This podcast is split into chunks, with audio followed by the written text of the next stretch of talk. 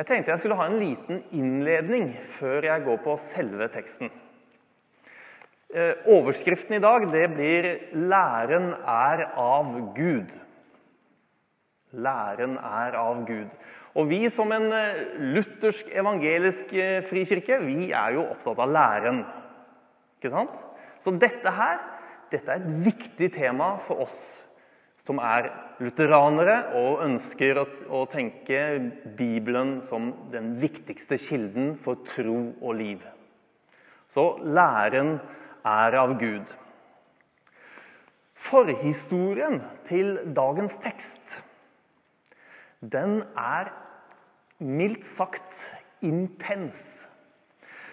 For dagens tekst er i Johannes 7 men i kapittel 6 så skjer det vanvittig mye. For eksempel så har han metta 5000 menn, står det. Og der det er menn, så regner jeg med at det også er kvinner og barn. Så hvis det var 5000 menn, så er det ganske sannsynlig at det var minst 15 000 mennesker der. Tenker jeg, da. Og så greier han å mette disse 15 000 menneskene med fem brød og to fisker. Slå den. Og i tillegg, rett etter at han har gjort dette vanvittige store underet, så går han på vannet. Det er ikke rart at folk stimler om Jesus og liksom tenker at han, han vil jeg se, han vil jeg møte, han vil jeg høre. Men så skjer det noe. For litt senere, i synagogen i Kapernaum, så gjør Jesus en stor feil. For han begynner å forkynne. Han begynner å forutsi nattværens innhold. Hør hva han sier. Fedrene deres spiste manna i ørkenen, men de døde. Det brødet som kommer ned fra himmelen, det er slik at den som spiser av det, ikke dør.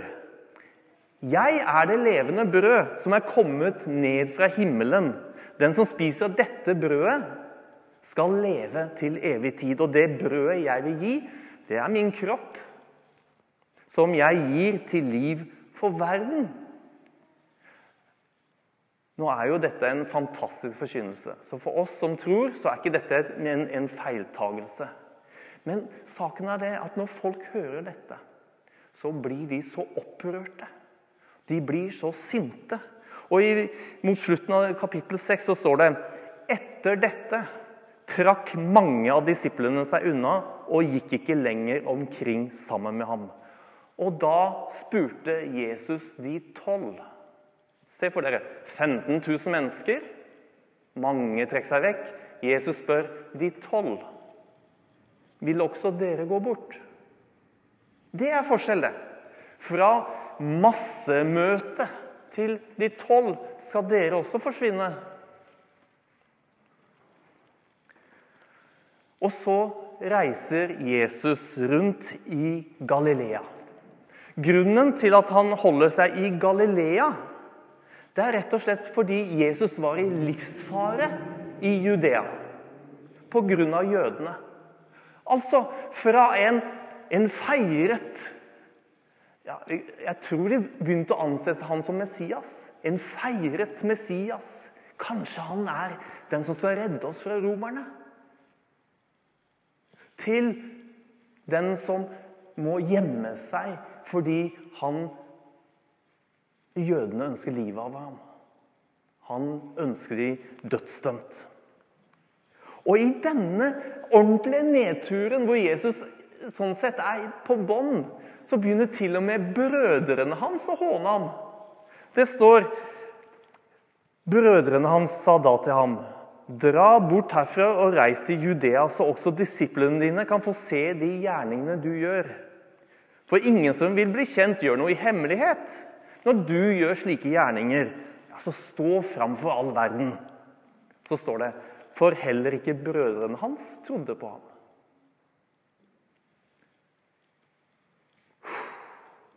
Da hadde jeg hatt en nedtur, altså. Men så sier Jesus, 'Nei, jeg kan ikke dra, til jeg kan ikke dra dit.' 'Jeg kan ikke dra til Jerusalem, fordi jødene vil jo ta livet av meg.' Men dere, dere kan dra i forveien. Og så står det liksom litt rart. Like etter så reiser han i all hemmelighet, Jesus også. Så han sniker seg til den store festivitasen, den store høytiden som er rundt tempelet i Jerusalem. Fordi det er løvhyttefest på denne dagen. Og løvhyttefesten, det handler om å minnes at israelittene, med Guds hjelp, de klarte å flykte fra slavetilværelsen i Egypt. Og så bodde de i hytter under denne lange vandringen fra Egypt til Kanaan. Og I henhold til teksten i 3. Mosebok 23 så står det at dette er en fest som det er påbudt å holde til alle tider. Så dette hadde de gjort i lange tider, og de gjør det den dag i dag. Og det at Jesus akkurat har snakket om seg selv som brød fra himmelen kontra manna i ørkenen, det er ikke en tilfeldighet rett før løvhyttefesten. Det viser seg i Jerusalem at folk snakker mye om Jesus og lurer på hvor han er. Så står det i vers 13 kapittel 7 men ingen snakket åpent om ham, for de var redde for jødene. Og her kommer vår tekst inn, og vi kan reise oss.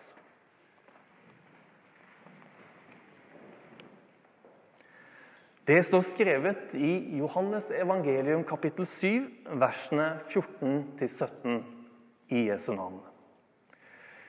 Det var alt midt i høytiden, da Jesus gikk opp på tempelplassen og begynte å undervise. Jødene undret seg og sa, 'Hvordan kan han ha slik kunnskap?' Han har jo ikke fått noen opplæring.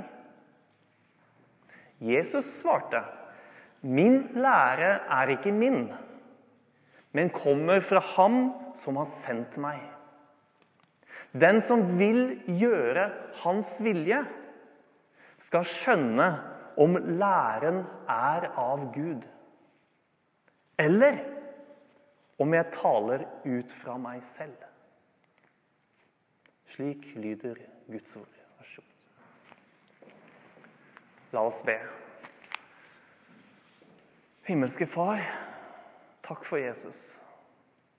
Takk for alt det han har gitt oss.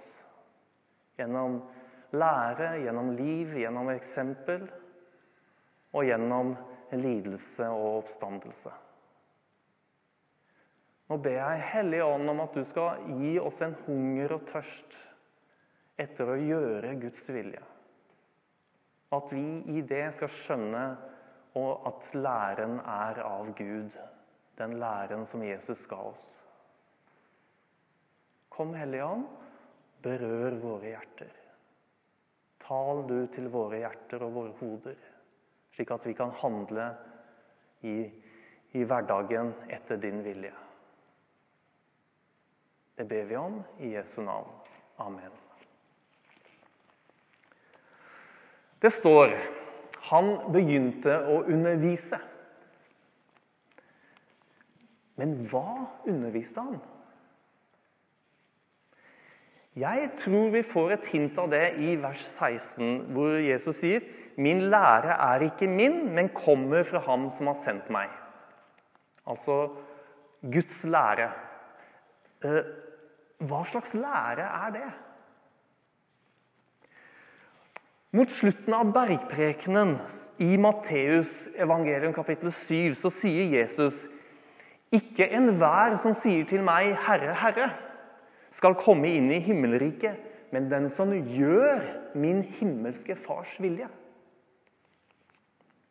Og i forkant av dette verset som jeg nå siterte, så forklarer Jesus hvordan hans etterfølgere, altså disiplene, skal leve gjennom å utlegge saligprisningen, forklare at vi er salt og lys i verden, og at vi skal overholde loven slik Jesus fullkommengjør og utlegger den videre i bergprekenen.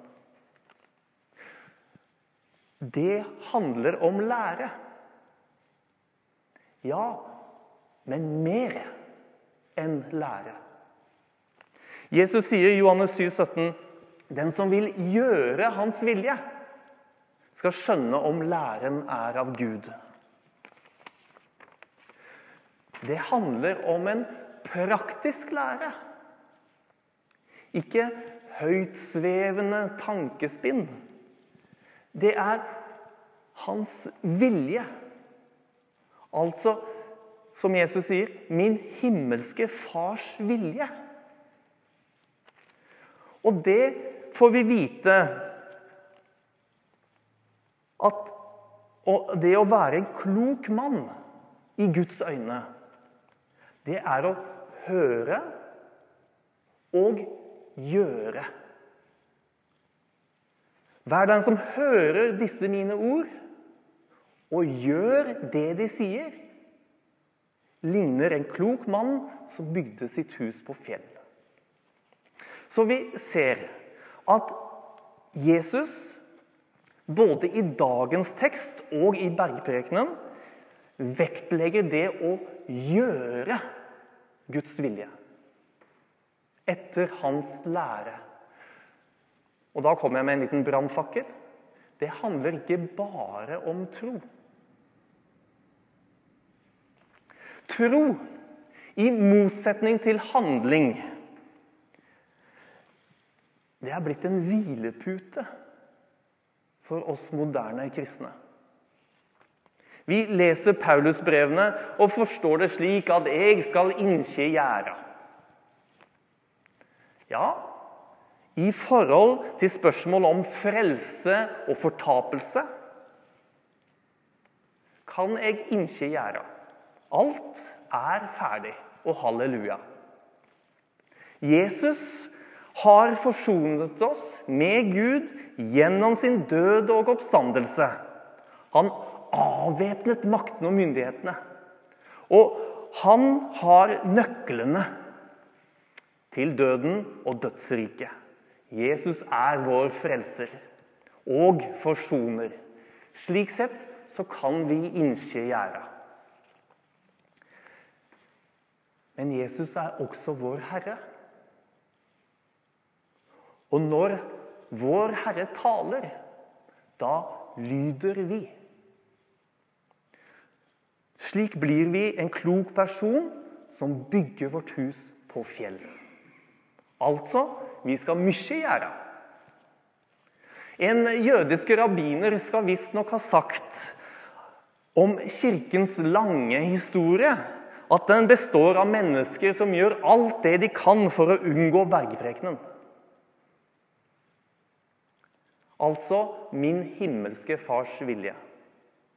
Eller som han sier i dagens tekst, den som vil gjøre hans vilje, skal skjønne om læren er av Gud. Men er det ikke sånn, da, at Paulus setter opp tro som en motsetning til gjerninger? Det er vel det vi har hørt gang ut og gang inn. Ja, som sagt, når det gjelder spørsmålet om frelse og fortapelse. Når det gjelder å motta Guds nådegaver og Den hellige ånds kraft. Men ikke når det gjelder hvordan vi skal leve som troende. Romerne 6 så står det Hva skal vi da si? Skal vi fortsette å synde, så nåden kan bli enda større? Slett ikke. Hvordan kan vi som døde bort fra synden, fremdeles leve i den? Så forklarer Paulus videre at nå er vi ikke lenger slaver under synden, sånn at vi skal gjøre det synden sier vi skal gjøre. Nei, nå er vi slaver under lydigheten. Og det fører til rettferdighet, står det i Romerne 6, 16. Vi er slaver under lydighet, og det fører til rettferdighet. Hva er rettferdighet? Jo, det er veldig enkelt på norsk, og det stemmer også med det greske. Rett ferd. Vi ferdes rett. Det å leve rett. Når vi er slaver under lydigheten, så fører det til rettferdighet. En rett måte å ferdes på. Jakob Jakobs brev det vet vi handler mye om gjerninger. Og det var jo et brev som Luther ikke ønsket i Bibelen. Så den har jeg ikke tenkt å si så mye om. Men hva med Johannesbrevene og Petersbrevene og Judasbrevene? Løfter de opp tro, sånn at vi slipper å gjøre noe? I 1. Peter 1 så står det 'Han som kalte dere, er hellig'. Slik skal også dere være hellige i all deres ferd. Og Johannes sier, 'Den som sier 'jeg er i ham', må leve slik Jesus levde'. Hvordan levde Jesus? Jo, sånn skal vi leve. Judas han er opptatt av å advare menigheten mot ugudelige mennesker. Og så står det de misbruker vår Guds nåde til et utsvevende liv, og de fornekter vår eneste hersker og Herre Jesus Kristus. Med andre ord så advarer Judas mot eh, Han sier det at et utsvevende liv det er å misbruke Guds nåde.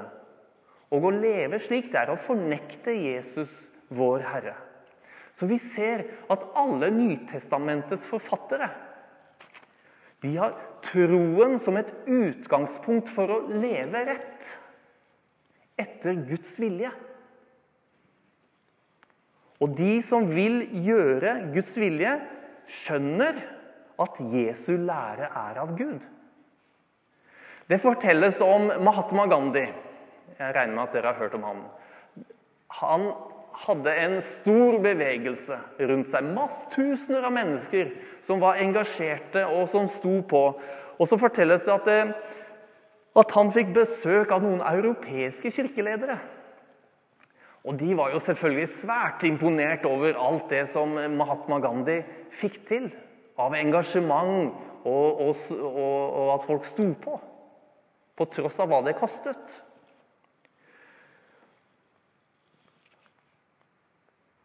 Og så sier de til Mahatma Gandhi at eh, i Europa så opplever vi at de fleste mennesker de går jo likegyldig forbi både kirke og katedral. Har du et råd til oss, Mahatma Gandhi? Så gir Mahatma Gandhi et råd som er helt genialt. Og han sier dere må, lukte, dere må dufte bergprekenen, mine herrer. Dere må dufte bergprekenen. Det holder ikke med en intellektuell forståelse av troen og Jesu lære. Det må leves. Slik, vi, slik Jesus sier om saltet og lyset. Dere er jordens salt. Men om saltet mister sin kraft, hvordan skal det da bli gjort til salt igjen? Det duger ikke lenger til noe, men kastes ut og tråkkes ned av menneskene. Dere er verdens lys. En by som ligger på et fjell, kan ikke skjules.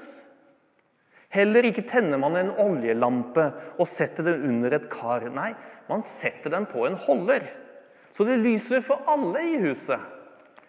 Slik skal deres, deres lys skinne for menneskene, så de kan se de gode gjerningene dere gjør, og prise deres Far i himmelen. Og jeg lurer på er det derfor våre kirker er så tomme i Vesten fordi saltet har mistet sin kraft.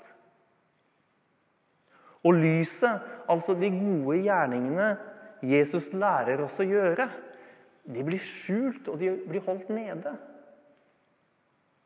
Er det vår teologi, eller er det vår feighet? Eller komfort som passifiserer oss? Jeg kan svare for min egen del at for meg så dreier det seg mye om komfort. Det skal mye til for å dra meg ut av godsofaen på en eh, lørdag kveld og ikke se på Stjernekamp. Det er så mye mer behagelig. Og nå som vi har fått ny TV og lydanlegg og greier, det er så deilig. Det er komforten den holder meg tilbake. Du kan svare for deg selv.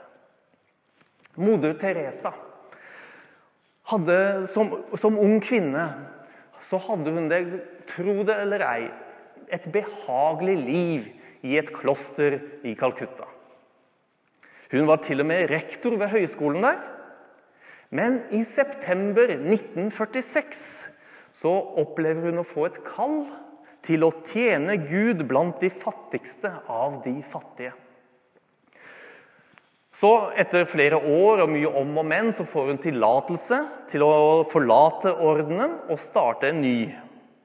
Den skulle arbeide for de sultne, de nakne, de hjemløse, de forkrøplede, de blinde, de spedalske. Alle de i samfunnet som føler seg uønsket, uelsket og uten noen som tar hånd om seg. Mennesker som har blitt en byrde for samfunnet og blitt, blir utstøtt av alle. Og Dere kjenner mye av historien til moder Teresa. Og gjennom hennes gjerning, hvor hun er, hun er blant de fattigste av de fattige. Hun er selv fattig og har en orden som er fattig, men med et stort engasjement. Og allikevel, gjennom dette her, så opplever hun gang på gang fristelsen til å dra tilbake til det opprinnelige, behagelige klosteret. Der hadde hun mat og fast tidebønnsliv, og det var trygt og godt. Men hun ble tro mot kallet. Hvorfor det? Hva drev henne? Jo, det var kjærlighet til Jesus. For nettopp blant samfunnets mest fortapte Der fant hun Jesus. Akkurat som det står i Matteus 25.: Det dere gjorde mot en av disse mine minste søsken, har dere gjort mot meg. Jeg leste en historie hvor det var en nonne som skulle gå inn med en skål dessert til de døende og Så stopper moder Teresa henne og så sier hun nå må du huske å ta på godt med saus. Husk at det er Jesus du serverer. Moder Teresa hun har fått Nobels fredspris. Fått stor innflytelse, ikke bare blant Calcuttas fattigste, men for hvordan folk, vanlige folk tenker, kirker av ulike slag og ulike statsledere ser og forholder seg til disse aller minste i samfunnet. Og dere, det er ikke for ingenting at skoler, sykehus og store humanitære hjelpeorganisasjoner er blitt drevet frem av kristne gjennom århundrene. Og Det er heller ikke tilfeldig at det er få muslimske, hinduistiske, buddhistiske eller New Age-organisasjoner som driver med det samme. For de som vil gjøre Guds vilje, skjønner at Jesu lære er av Gud. Og dermed så flokker vi oss rundt ham og følger Jesus der hvor han går. Det kalles den kristne kirke.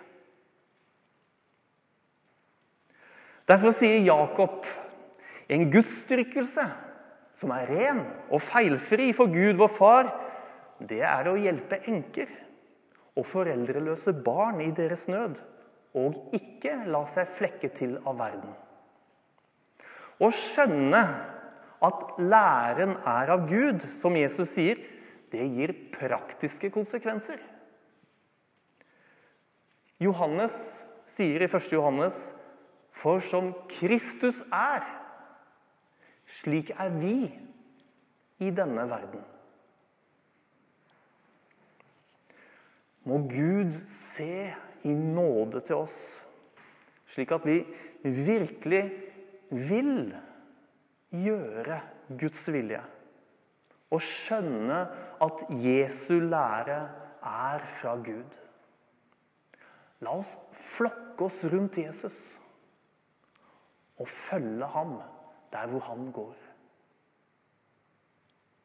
La oss be.